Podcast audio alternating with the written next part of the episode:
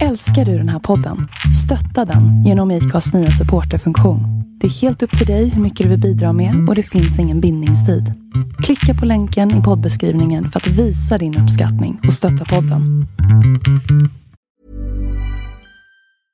I'm Sandra, and I'm just the professional your small business was looking for. But you didn't hire me because you didn't use LinkedIn jobs. LinkedIn has professionals you can't find anywhere else, including those who aren't actively looking for a new job but might be open to the perfect role, like me. In a given month, over 70% of LinkedIn users don't visit other leading job sites. So if you're not looking on LinkedIn, you'll miss out on great candidates like Sandra. Start hiring professionals like a professional. Post your free job on linkedin.com/people today.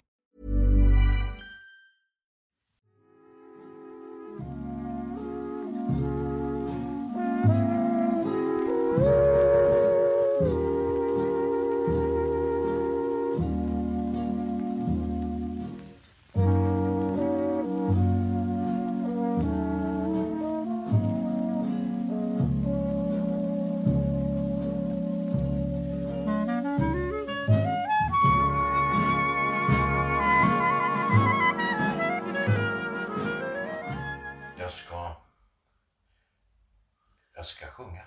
Åh herregud. Ja, vad kul. Här kommer en sång. Delar av en sång. En eh, sång som ingen människa sjunger.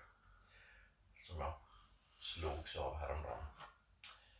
Köp en Hjalmar Gullberg eller Vilhelm Moberg. Köp något ur den Bonnierska buffén. Det och kultur, verkligt rara djur får du av fiolen från Flen. Det lät som jag sa fiol, men det är viol. Vi åkte genom Flen häromdagen och i, bland alla rondeller och sådär vid infart och utfart så fanns det en rondell med i mitten tre violer. Frågade min fru vad är det för blomma? Ja, det ser ut som inte... Jo, begriper väl. Ja, vadå? Vänta ska du få höra. Och så började jag sjunga. Hur ofta är man i Flen? Och hon hade förstås aldrig hört det här. Hon visste inte vem Ulf Peder Olrog var. Alltså, på ditt ansikte kan jag se att du heller inte vet vem Ulf Peder Olrog var. Kom igen Tony! Ulf Peder Olrog, han skrev den. Och mycket annat. Eh, finurliga, välrimmade, intelligenta visor. Om man nu kan säga intelligenta visor. Men Flen som man då precis aldrig passerar om man inte har ärende dit var mycket trevligt då. Och vi stannade till och åt och eh, tittade på fina hus och ja, kort liten, kort litet besök i förbigående i Flen på väg till en ännu mindre ort på jorden som heter Sjutolft. Ja, den heter så. Det låter dansk nästan. Ja, jag skulle tro att det är något... Alltså, det är ju naturligtvis en, en eh, matematisk eh, finurlighet. Sju tolftedelar utav något hemman eller någon socken eller något sånt där. Eh, själva byn heter Sjutolft och kyrkbyn heter Husby. Och där har nämligen en av våra barn, vår dotter Linnea, köpt sig ett hus med sin mycket trevliga man Petrus. Och eh, ett rivningshus alltså. Jag kan inte ana hur mycket det har att göra. Men ligger vackert, är mycket vackert. Och eh, en massa lador och gårdar och gårdshus och hönshus och liknande på gården. Eh, det är ingen gård alltså, utan det är en stor tomt, 4000 kvadrat. Eh, där kommer hon göra det fint. Eftersom hon är trädgårdsmänniska. Jag eh, an, eh, anknyter till ditt flen, flenska minne. Eh, jag har ju varit ordförande för Ung Vänster i Oxelösund ett tag. Och då... Eh, Fanns det någon från Flen då som var med? nej, men distriktsstyrelsen sen samlades i Flen i något som heter TIA-lokalen. Jaha. Och eh, sen när vi åker till här Skågeskärgårdskusten där så kör vi faktiskt den vägen. Ja. För att slippa jag åka genom Stockholm. ja, det är klart. Och det- man kan- vacker väg över bron över Mälaren. Ja, absolut. Men eh, sen kan... De har nog de mest obetydliga och märkliga placeringar av rondeller i Flen. Ja, och många. Ja, och det gör liksom ingen nytta egentligen. Så. Jo, då, jo då. Eh, en rondell är ju, det är ju fransk uppfinning kan man säga. Det hörs ju på namnet rondell. Sista stavelsen betonad, då är det alltid franska. Eh, och därför så finns det inte så många rondeller i England. Eftersom det är fransk, ett franskt påhitt här. Ja. Rondeller är jätteintelligenta. Du, den, den är självfiltrerande. Man slipper stå och eh, gasa eh, på tomgång och vänta på något. Utan allting fungerar som det ska. Ja. Det, Ja, så är det med det. Men du vet vad flen betyder? När jag tänker efter. nej. Jag har inte kollat det naturligtvis. Jag tar det för givet. Min, eh, min mormor, eh, nej, min frus mormor. Hon sa, hon kunde säga till sina dotterdöttrar när de var små. Gå inte där och flena. Och det var inte alltså flina, skratta, utan flena. Då hade de för lite på sig. Bara något linne. Hon tyckte kanske att det var lite dels för bar kropp som syntes, det var det ena. Eller att det var för kallt. Gå inte där och flena. Då ska de ta på sig någon tröja eller någonting annat, en skjorta över. Eh, flen betyder nämligen bar i betydelsen icke bevuxen. Du har det i flintskalle. Eh, att man är flintis. Det är samma ord som flen där. Ja, det inget Flint. viktigt. Flint, Michigan. Ja. Eh, ja. Nej men vad kul med pinnen och hennes hus. Ja, oh ja. Det kan bli hur fint som helst.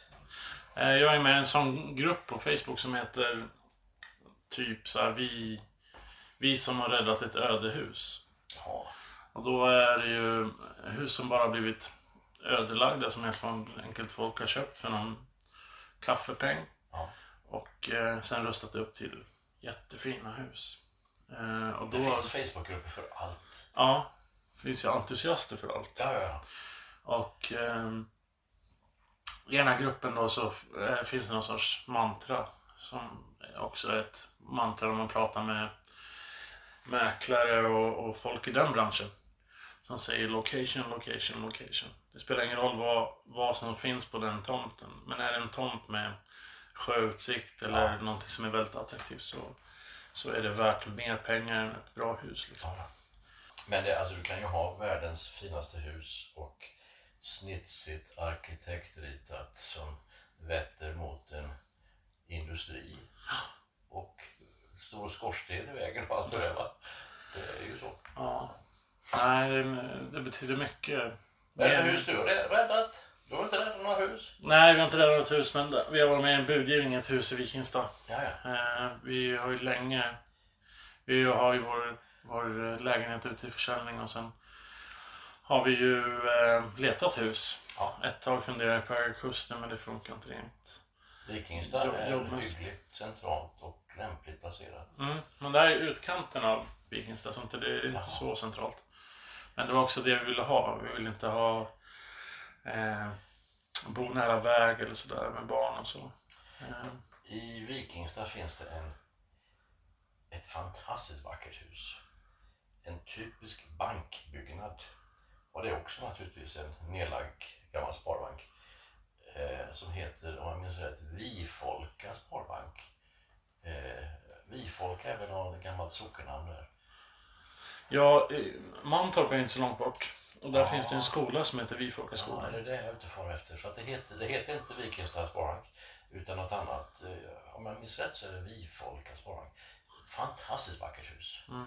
Från 1907 eller något sånt där. Sen tror jag att eh, eh, den stora fotbollsarenan i Mjölby heter Vifolkavall. Ja, ja. Så att det är nog... Det är klart. Det är väl ungefär som Lövsta är för Tranås på något sätt.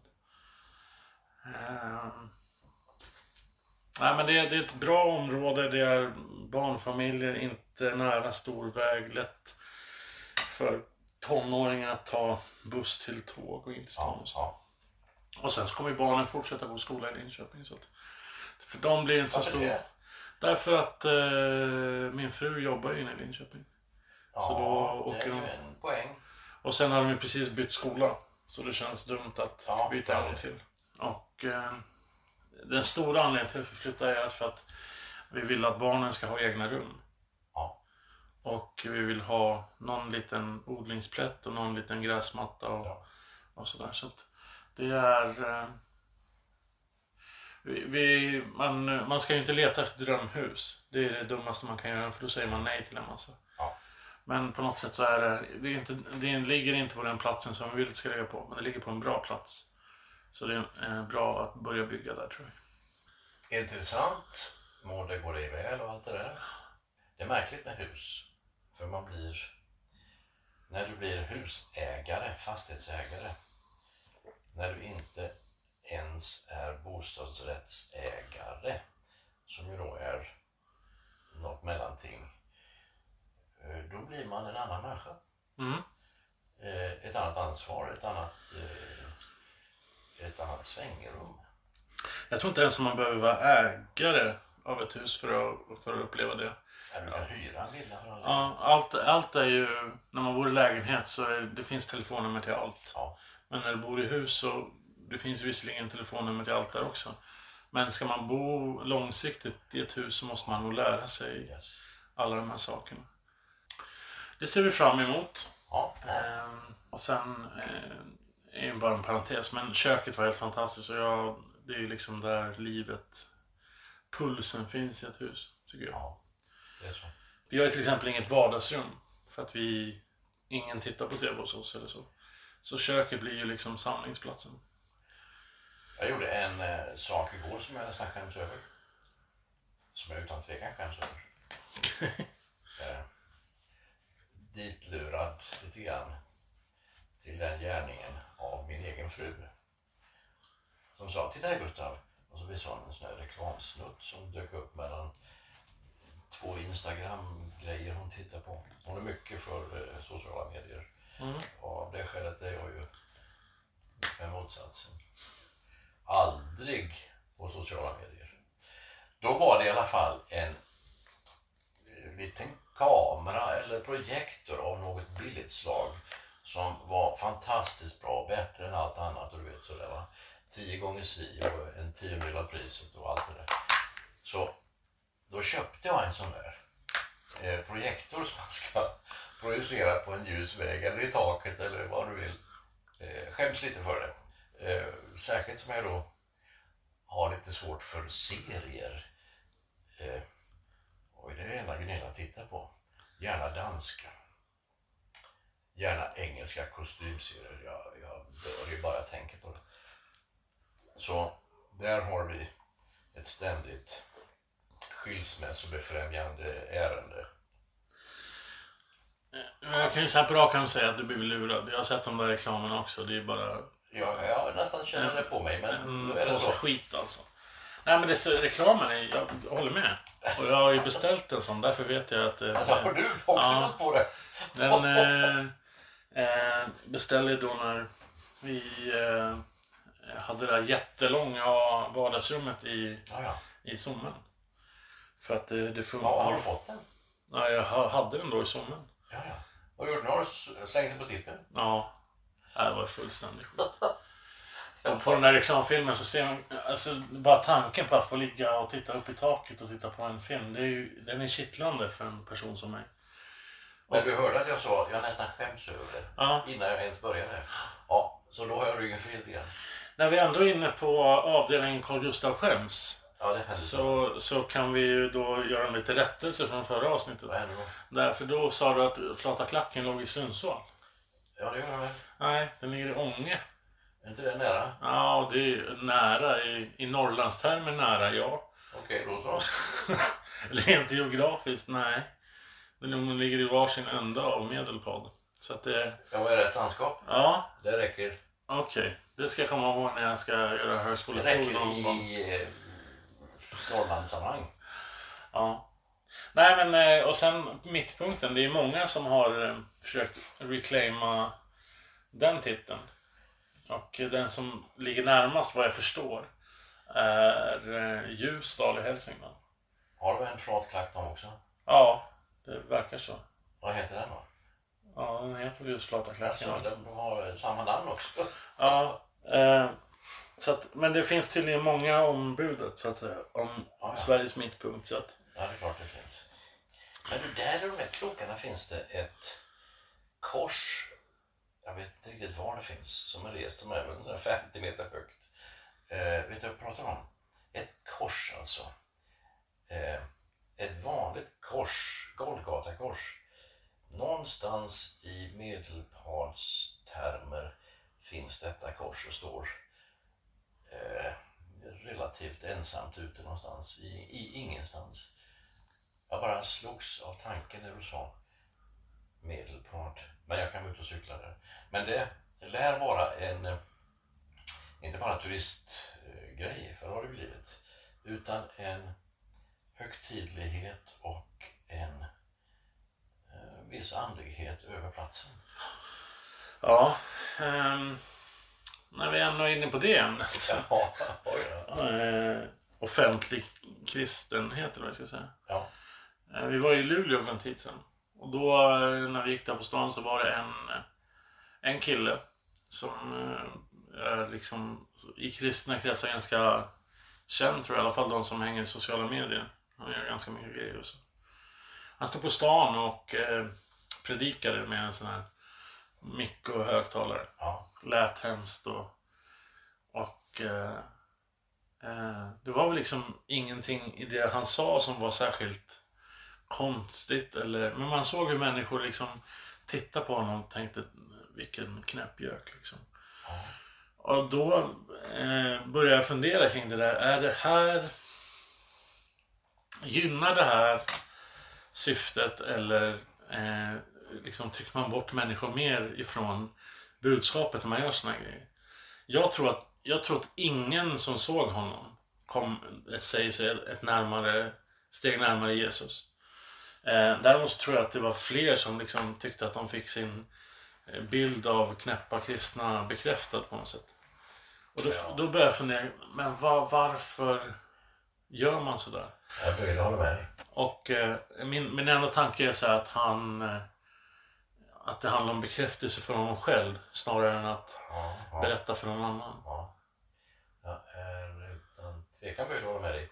Eh, det, min, eh, nu hörde jag honom inte naturligtvis, eh, men skulle jag gjort det skulle jag säkert fått ungefär samma uppfattning som du.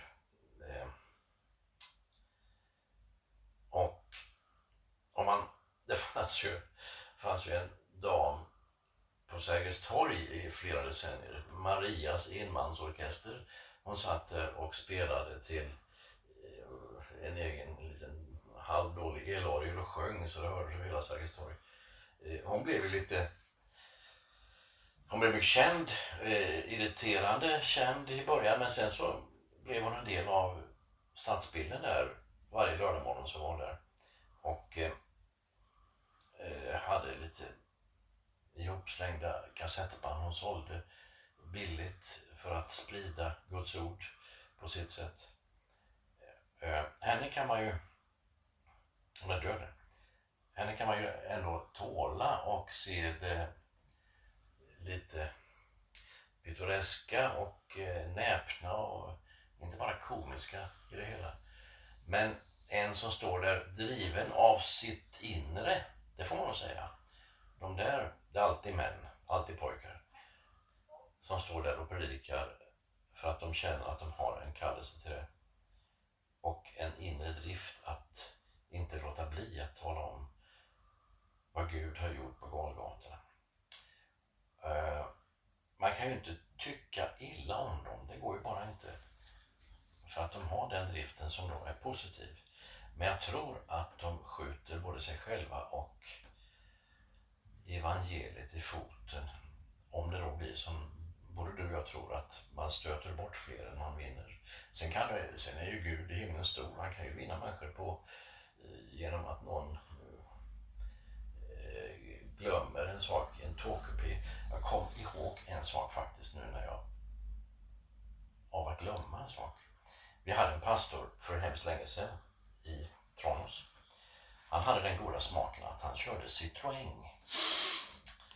Och gör så fortfarande. Det finns något konstnärligt över Citroën. Något kreativt.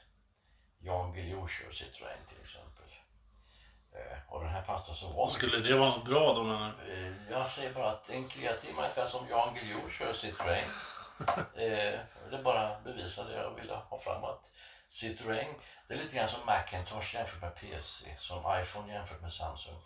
Det är lite kreativare. Nu, Ja, jag, jag vet att jag hackar på dina telefoner och Ja, allt. men... Får jag fortsätta? får, nej, jag vill bara understryka att du själv kör Volvo.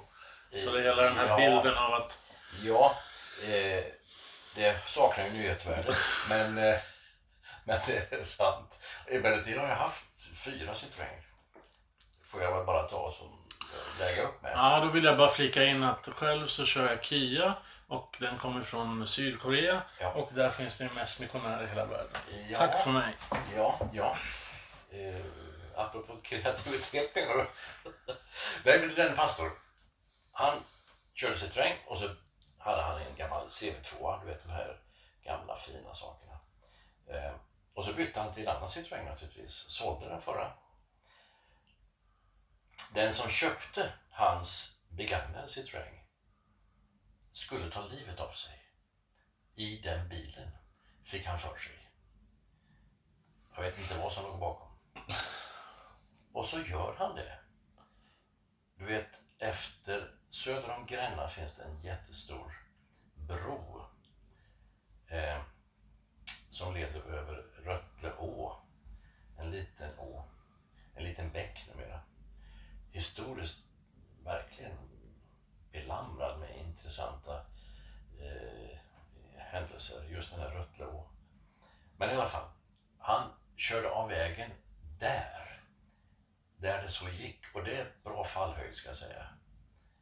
Men nu är ju Citroën så utrustad så att han går ju mjukt och fint.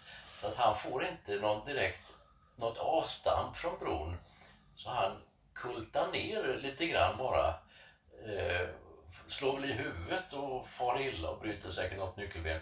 Och hamnar rakt upp och ner. Alla fyra hjulen upp.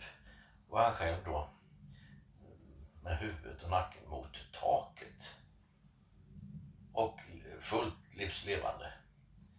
Och då är han mycket nära eh, solskyddet alltså. Och där har vår pastor någon gång stuckit in lite traktat.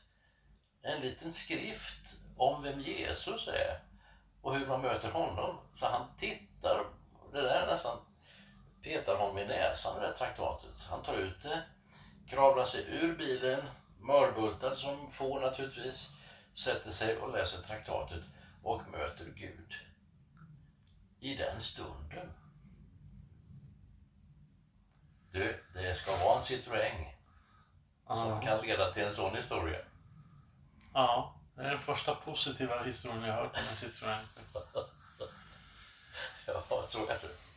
Så han, dog, han tog inte livet av sig? Nej, han misslyckades ju och fann livet istället. eh, På det här franska sättet. Det är ju svårt att eh, regissera det på något sätt. Mm. Det är lite samma som med min fru när hon ser rotsidan vid Höga Kusten och inser att hon är säkert inte den första som har upptäckt eh, eller liksom förstått sambandet i eh, på en sån plats där som är så obeskrivligt vacker och som inte kan byggas eller skapas av någon annan än skaparen själv. Ja. Ehm, Och jag, då när det hände, jag var ju jätteförvånad. Att det hände där, där och då. Liksom. Jag hade väl upplevt massvis med saker innan dess som, som helt klart skulle kunna få en människa att, att se sambandet. Men just där och då. Och det är väl samma sak med den här mannen som försöker ta sitt liv och helt enkelt finner livet istället. Apropå han som står och skränar på torget i Luleå om att Jesus är världens frälsning. Han har ju rätt och han har driften men paketeringen är något eh, frånstötande skulle jag tro. Mm. Men då är ju frågan så här, för, tror den här personen att, att det här är det bästa sättet att få ut budskapet om, om eh, Jesus? Eller är det här någon sorts självbekräftelse Ja, trams liksom? ja, ja. Det kan man inte veta för man frågar honom och då skulle han säkert inte förstå ens vad man frågade. Eh, men jag kan nog tänka mig att det finns då, han fyller sina gärningars mått på något sätt här till för att få någon form av tillfredsställelse eller få bekräftelse. Det kan jag tänka mig. Men nu är det, om du tänker dig ett bedagat sätt att gå tillväga. Det här är stenålder. Det är stenålder med tältmöten eller torgmöten.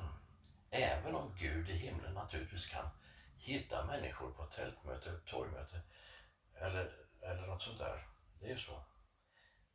Utan det som inte är Yesterday's News, det är det vi ska använda. Och nu går jag lite emot mig själv här. För att det blir sociala medier. Mm. Det blir sätt att beskriva sin tro och sitt liv med Gud digitalt. Och det vinner människor, inte minst. Nu tar jag ut vinsterna förskott igen, som du vet att jag brukar. Inte minst tack vare coronan och isoleringen och att människor får en eh, helt annan bild av vad vi människor klarar av. Eh, jo, alltså det... Jag tror att det är... Vad ska jag kalla det?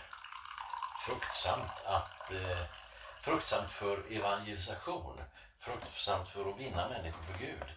Med den här isoleringen och, och påtvingade ensamheten och sådär. Jag skulle tro det. Ja, alltså. Nu är vi precis i uppstarten av eh, att driva bokförlag. Ja.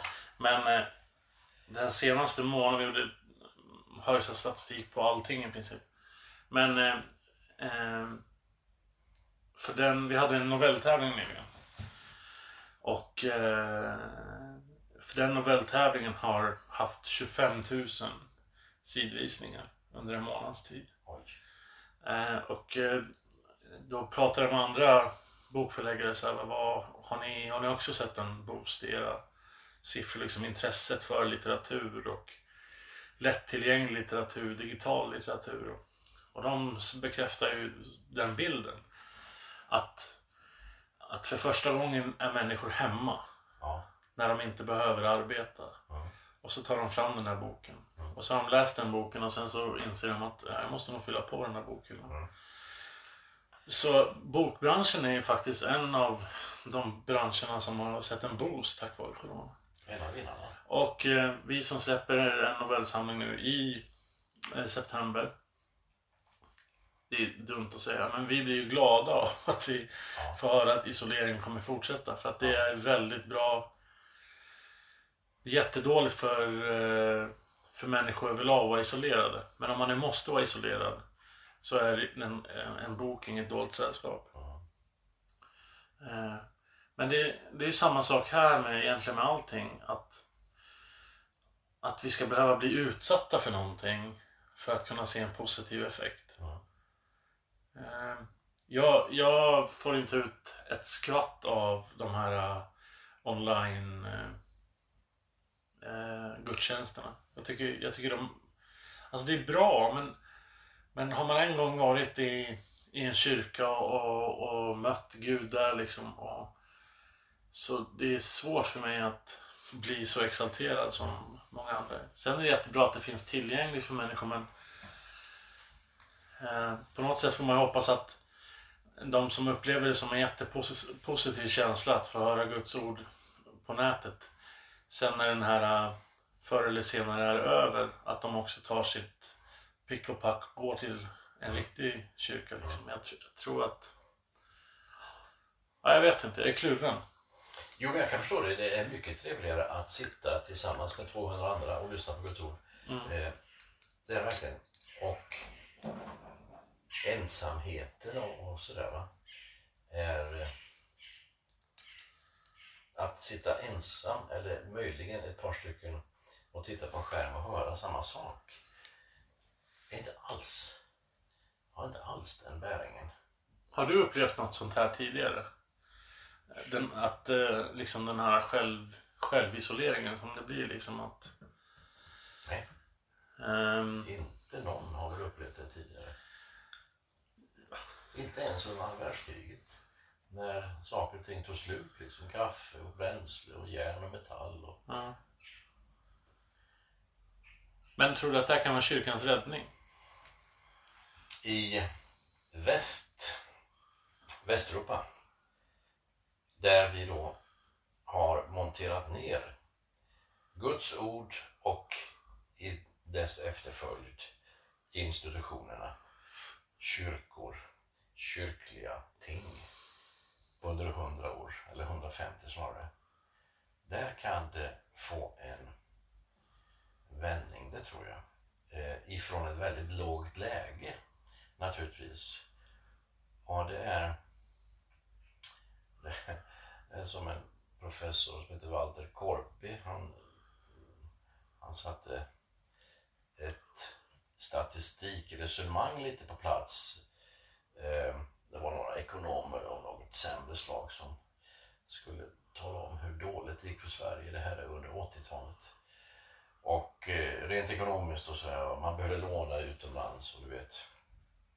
Och då, jo, jo, eh, då sa han så här att eh, man kan tänka sig att Patrik Sjöberg, höjdhopparen, han hade väl satt världsrekord och vunnit någonting eh, alldeles i krokarna, att han har ökat ifrån 2,40 till 2,42 något ointagligt högt.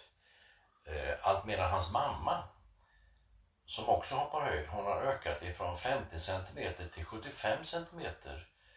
Och då är proportionen sån att rubriken skulle mycket väl kunna vara Nu har Patrik tappat. Hans mamma har seglat om honom. För det är så. Alltså 75 cm kan man ju kliva över. Eh, men hon har ökat ifrån 50 till 75 cm och han har ökat två ynka centimeter fast från en högre höjd. Eh, statistiskt så leder hon. Eh, ibland så får man höra om hur Ungern ökar sin ekonomi dramatiskt. Polen också. De där två eh, länderna som då går bra, som det heter, och som har tveksamma regeringar just nu. Ja, det är klart. Och Grekland går väl bra någon gång, men de går från ett bottenläge. Och Tyskland, om de skulle öka en promille så är det ju dåligt. Men om Ungern ökar 8 procent, Mm. ja det är väl knappt så det ryms i den här tyska promillen. Ja, Ja. Det finns ju alltid definitioner av olika saker. Alltså att... Eh, det är som att jag, jag röker ju. Eh, och varje dag slutar jag röka. okej. Eh, och precis som att du slutar äta, för du går ju och lägger dig. Ja, det har ju hänt att jag också har gått upp och ätit.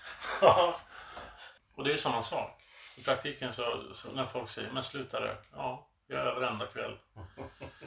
Röker inte på flera timmar. Ja. Och sen börjar jag igen.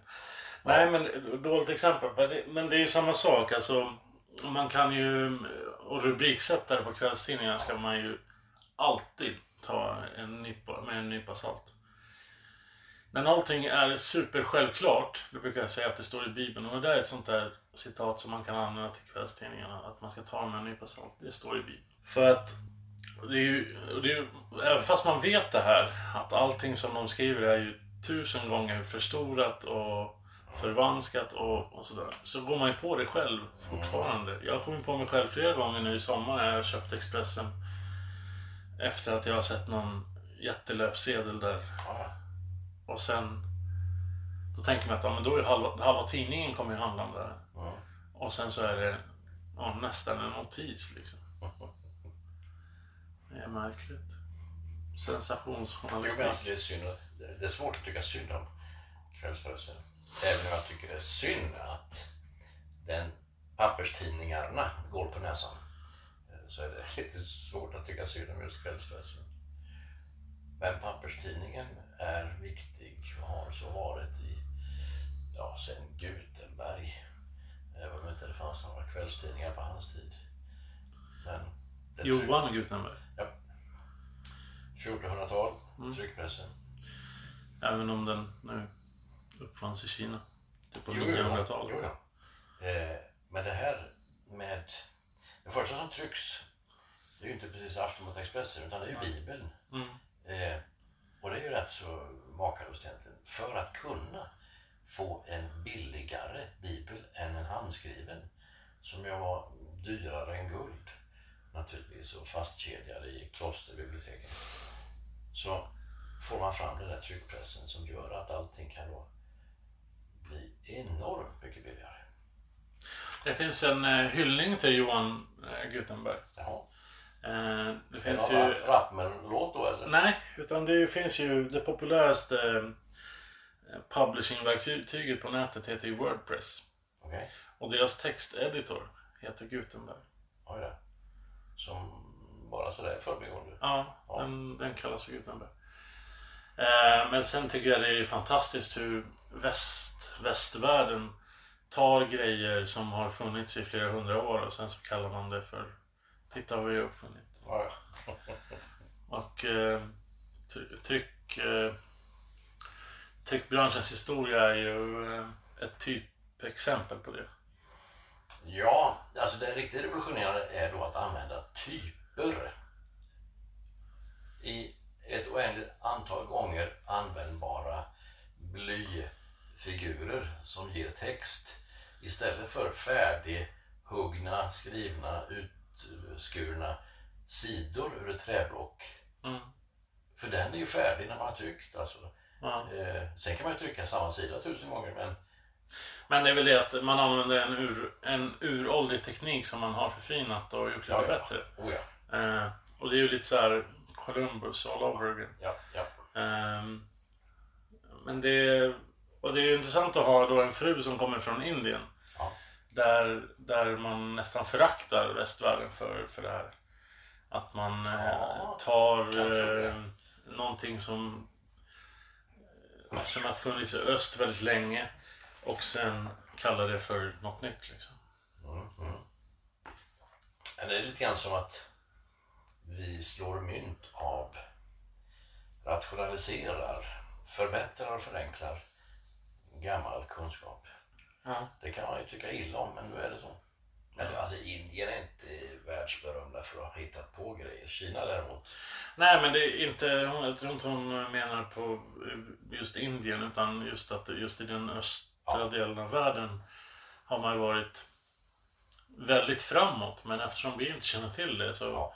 förstår vi inte. Och det, det där kan man ju eh, komma på sig själv att man är lite eh, har lite fördomar och sådär. Men om du tänker det, det är rätt långt till Indien ifrån Spanien. Eh, Det är väl en fjärdedel av jordklotet eller något sånt där. Det är en bra bit att åka. Mm. Jag slogs av tanken när du sa Indien att Thomas, tvivlaren, en av, en av lärjungarna, kommer till södra Indien. Där en spillra, en liten minoritet, fortfarande heter Thomas-kristna. Och han, på vägen dit så är han förstås då i Mesopotamien motsvarande. Och eh, han åker dit med Taddeus. Eh, Taddeus är också i de krokarna. Också han lärjungar. Och Jakob kommer till Spanien. Eh, Santiago de Compostela, Altiago, det är då ifrån Jakob. Eh, det här är alltså Jesu egna lärjungar. Det är de tolv. De spänner över en fjärdedel av jordytan. De gick, åkte båt, häst och vagn höll jag på att säga. Det, ja, huvudsakligen så var det nog att de tog sig fram bäst de kunde. Men var det inte Barnabas som åkte med Thomas till Indien? Jo, jajamän. Ja. Eh, Taddeus och Thomas var inte i lag, även om de var samma lärjungaskara. Men de, eh, Taddeus är framförallt då i Syrien och motsvarande Syrien. Eh, där han är fortfarande känd eh, under ett liknande namn. Vad är det? För jag hade nämligen en elev ifrån de krokarna och han var inte muslim. Och då slog det mig, då måste jag prata med honom. Vad är det? Inte Tad eller något sånt där. Det var något kort. Chad. Eh, eh, och då kom jag på att det där är Tadeus.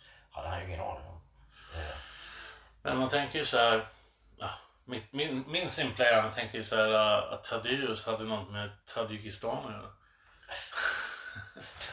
det skulle ju vara extra bra. Ja. Men det är nog inte så. Nej, så är det inte. Tadzjikistan som har ett, en huvudstad med ett konstigt namn. Det heter Dushanbe. Eh, Men det är ju inget speciellt med det. Det ska heta något, men det betyder måndag. Varken mer eller mindre. Deras huvudstad heter måndag. På, på, på tadjikiska eller på Ja, ryska? persiska. persiska. Pers- De talar eh, alltså persiskt eh, språk där. Jaha. Oh ja. Tillhör inte det Sovjetunionen? Jajamän. Och skrevs då med kyrilliska bokstäver, detta persiska språk, eh, på den tiden.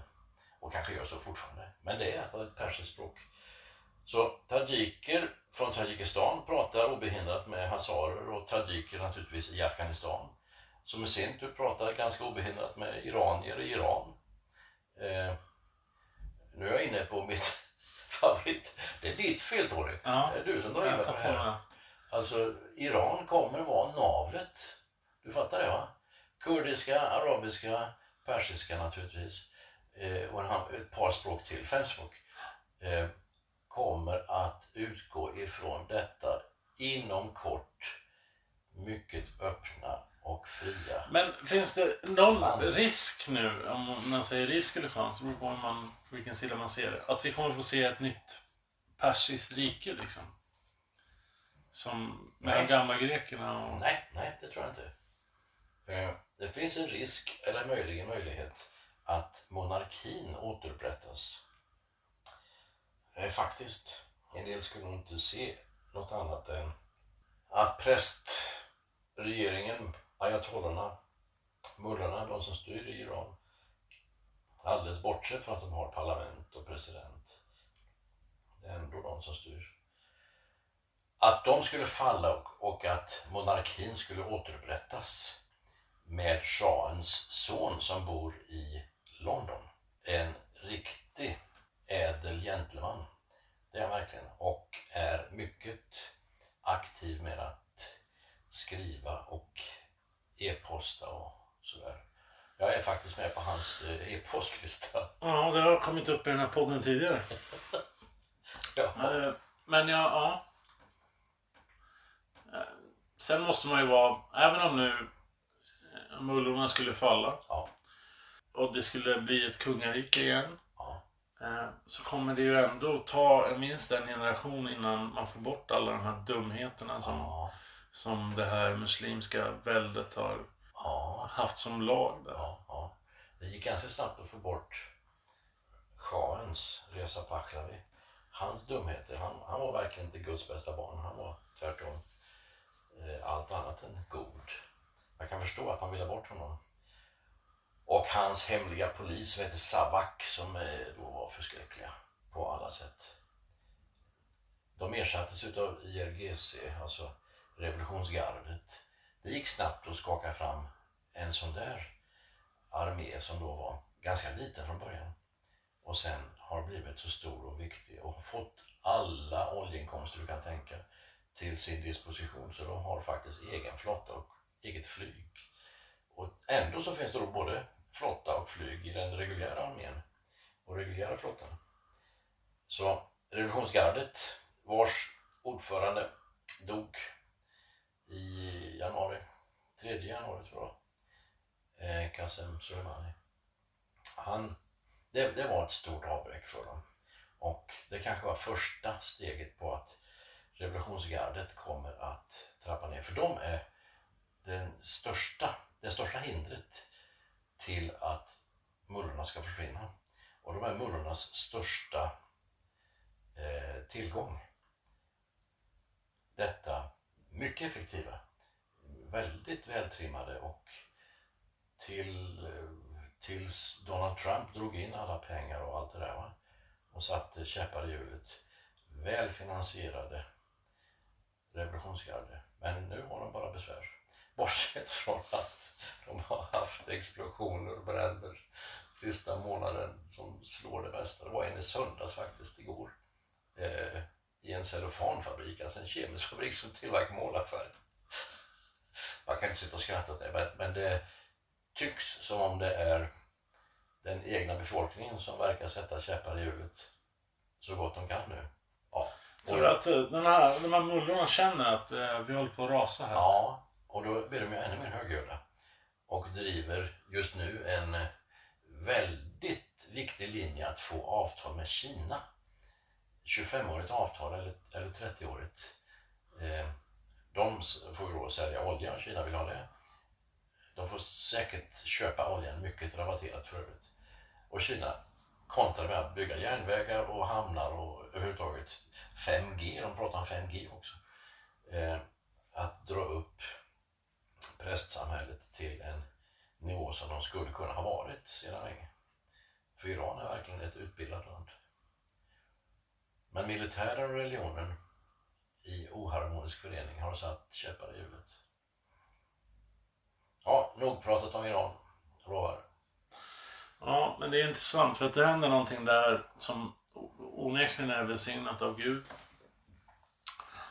Eh, där man åt, där liksom Guds kraft på något sätt slår ner eh, det ganska våldsamma eh, muslimska styret liksom. Ja, Eh, det har ju hänt i, i Afrika, det har hänt i ja, andra delar av arabvärlden också. Eh, Det som är tragiskt på något sätt är att det är så fruktansvärt djupt förankrat i befolkningen. Så även om de skulle bli eh, liberated, vad heter det? Fria, ja, befriade liksom, så, så kommer det ju minst ta en generation innan någon sorts normalitet infinner sig. ja, ja, eh, ja, Det ser man ju om inte annat på de här muslimska kvinnorna som kommer till Sverige. Här finns ju absolut ingenting som tvingar dem att ha sin hijab på. Men det är ändå en väldig process för dem att, ja, att eh, av... ja.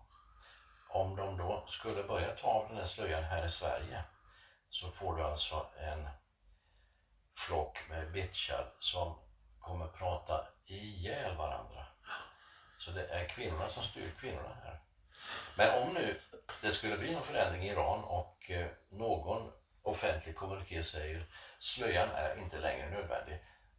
Dagen efter har ett fåtal kvar slöjan. Jo, men då tänker man ju, för det är ju naturligtvis män som kommer att bli, känna sig kränkta utav ett sånt beslut. Det kommer ju bli vedergällning mot de här kvinnorna, är jag nästan helt övertygad om. Mm, mm. Ja, vi får se. För det kommer ju alltid finnas... Alltså en regim som det där kan inte leva om de inte har någon support överhuvudtaget. Så det finns ju alltid någon gammalt gubbvälde som... Jo, men har man supporten ifrån militär makt och polisiär makt, då sitter du säkert. Mm, jo, jo, men de gubbarna har ju liksom ingått i det där. Ja, Så även om eh, man nu störtar mullorna där så kommer ju ändå de här gamla gubbarna att leva där och kommer på något sätt att det blir någon sån här lynchmobs... ja men de kan ju skrika sig fördärvade ifall de inte har något att verkställa det med. Ja, men skrika är ju en sak. Det, det klarar ju alla, alla människor av. Ja. Men när de kommer... Jag menar, titta på hur den amerikanska södern såg ut under Ja. eh, 60-talet. Det, det var ju liksom lynchmobbar i varenda by. Liksom. Och det finns väl en överhängande risk att man kommer se det även i Iran. Det Att det, att det kommer finnas en rädsla. Och jag menar att den rädslan kommer ta minst en generation innan. Ja, du kan ha rätt där. Du kan ha rätt. Men du, alltså återkoppla till att ta en sväng med Iran igen här. Eh, jo, men alltså då, då vi, finner människor Gud. Det vill säga, de finner Jesus. Gud tror ju alla på på sitt knäppa sätt. Liksom de då blir utsatta för ett och annat. Tvingas fly. Kommer till Europa. Men inte Portugal. Absolut inte Grekland. Alla vill norrut. kommer till Tranås, kommer till Sverige och Tranås och där finns det då en individ vars fru tog emot Jesus först, han sen. De två pojkarna något senare. Och så är han så driftig så han tittar på alla hemsidor. Då har vi en snitsigt ihopsnickrad ny hemsida som Tony Lappalainen, Tony Panda, tidigare känd som Tony Lappalainen, har satt ihop och då driver det honom att gå till Östakyrkan. Ja. Och han blir medlem och dessutom styrelsemedlem kan du tänka dig. Och det här är bara, är det två år sedan? Är det ett år sedan? ja, det är två år sedan. Då är december eh, år Iran ganska nära. Ja, alltså Du är första steget för att du har gjort en snitsig hemsida. De andra kyrkornas hemsida tycker han inte är lika bra och då går han, då går han till Östakyrkan. Det var väl snarare så att vår var ganska uppdaterad vid den tidpunkten. Så kan det vara. Eh, Men eh, sen ska man också säga att de flyr ju på grund av sin tro. Ja, oh ja. Ehm, eh, Och det vill jag nog hävda är ganska ovanligt. I alla fall här i trakterna. Det finns ju väldigt många som har mött Gud här. Ja, oh ja. Och det beror ju väldigt mycket på, inte bara den här kyrkan utan många andra kyrkor också. Som visar någon sorts, ja men står för det budskapet som Jesus kommer med, liksom som handlar om kärlek. Och eh, sen få ta del av ordet och det är Jesus uppmaningar och allt det här som gör att man sen konverterar. Det som var unikt med den här familjen var ju att de hade redan funnit Jesus. Ja, Men fann en ytterligare dimension av det. ja. Hamnade rätt. Mm. Ja, och det valde bort på eget bevåg, valde bort Göteborg. För att placeras i Säby då som är Världens minsta lilla by. ja, fem kilometer utanför centralorten Ja. ungefär. Och eh, går in till stan, tar bussen in till stan bara för att få möjligheten att hjälpa till i en kyrka utan någon som helst belöning. Och, och bara för en timme sen så mötte jag honom. Då stod han själv där och packade matkassar till, till, eh, som de har fått från Willy som de ska dela ut till människor som Som behöver. Ja. Och han står där eh, samma leende som alltid. Och, Och har blivit jätteduktig på svenska. ja, Får man väl tillägga.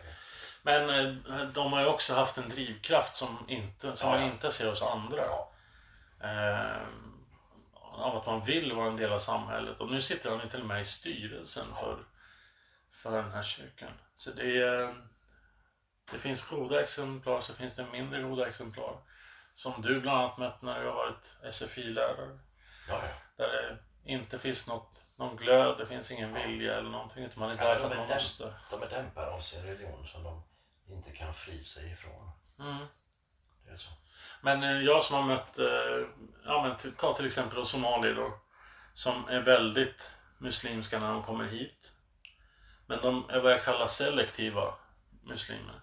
Jag har mött sådana i fängelset. Ja. Som bara för att de kan och har möjlighet försöker att driva den här muslimska linjen att vi kan inte göra det här, vi kan inte göra det här och vi måste få göra det här. Och, och sen när de har varit ute och gnällt och fått igenom de här sakerna så går de ut på rastgården och, och, och röker och, och, och använder droger och sådär.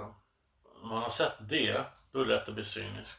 Ja. Jag tycker inte jag har blivit det, men, men då är det ju oerhört glädjande att möta andra muslimska som har konverterat och som har en drivkraft att bli en del av samhället och, och som i sin tur sen faktiskt är de, är de bästa advokaterna för, för kristen tro. ja, faktiskt. Utan tvekan så. Vi har kommit till den där punkten där du får säga någonting som är klokt. Till skillnad från... Du, alltså varför ska jag alltid göra det? Men visst, det går väl alltid. Det, det är ju din podd här, men Nej, det är vår podd. nej, det är din podd. Jag har möjligen kommit på namnet, men det är din podd från början till slut. Mm. Du tittar ut genom ett fönster som är en eh, del av ett... eh, alltså det jag har tagit det där fönstret ifrån en riven förstuga, vad heter det, veranda, glasveranda. från ett 1700-talshus. Det, det var lite omaka för det här. Glasverandan var ju från tidigt 1900-tal och huset i fråga var från 1700-talet. Så det revs, men ganska vänligt. Man slog inte sönder det bara. Nu försvann ju alla rutor så att de är nyinsatta. Om du räknar lite snabbt är det 25 rutor ungefär. Någonstans där. Ja. Olika storlekar. Och så finns det en ruta som inte är av glas, genomskinlig, transparent, utan den är röd. Det är rött glas. Så att man inte ska se igenom. Naturligtvis, det är bara 5 gånger 5 centimeter. Men det enda man ser är ju den där lilla rutan. Du ser ju inte, det är ju två kvadratmeter det där glas i olika formationer. Och många spröjsar. Det enda du ser när du ser, det är ju det där lilla, lilla. Där har du möjligheten för Guds folk i efterdyningarna och i närvaron av Corona att synas. Så få vi är, så liten del av det hela, så är det ändå den lilla röda rutan du ser.